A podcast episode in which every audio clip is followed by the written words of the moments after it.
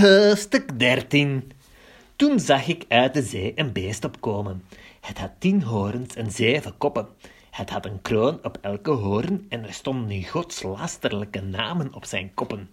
Het beest dat ik zag leek op een panter, met poten als een beer en een bek als een muil, als de muil van een leeuw.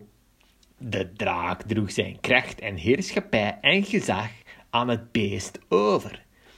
Een van de koppen van het beest zag eruit alsof hij geslacht was. Het was een dodelijke verwonding, maar de wond genas. Vol bewondering ging de hele wereld achter het beest aan. Iedereen aanbad de draak, omdat hij het beest gezag had gegeven.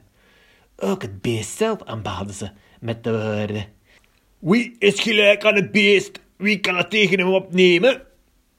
Het beest begon zijn bek gebruiken voor grootspraak en godlastering, en dat 42 maanden lang.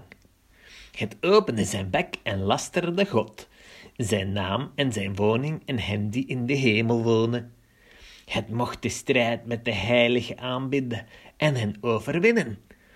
Ook kreeg het macht over alle landen en volken, over mensen van elke stam en taal. Alle mensen die op aarde leven, zullen het beest aanbidden. Iedereen van wie de naam niet vanaf het begin van de wereld in het boek van het leven staat, het boek van het lam dat geslacht is. Wie oren heeft, moet horen. Wie gevangenschap moet verduren, zal in gevangenschap gaan. En wie door het zwaard moet sterven, zal sterven door het zwaard. Jawel.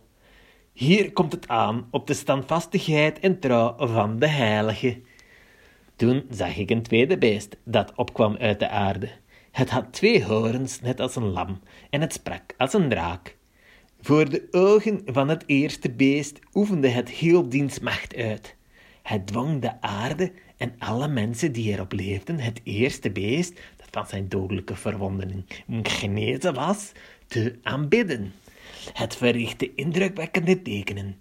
Het liet voor de ogen van de mensen zelfs vuur uit de hemel neerdalen op de aarde. Het wist de mensen die op aarde leven te misleiden door de tekenen die het voor de ogen van de eerste beest kon verrichten. Het droeg hen op een beeld te maken voor het beest dat ondanks zijn steekwond toch leefde. Het kreeg de macht om dat beeld leven in te blazen, zodat het beeld van het beest ook kon spreken en ervoor kon zorgen dat iedereen die het beeld niet aanbad, gedood zou worden.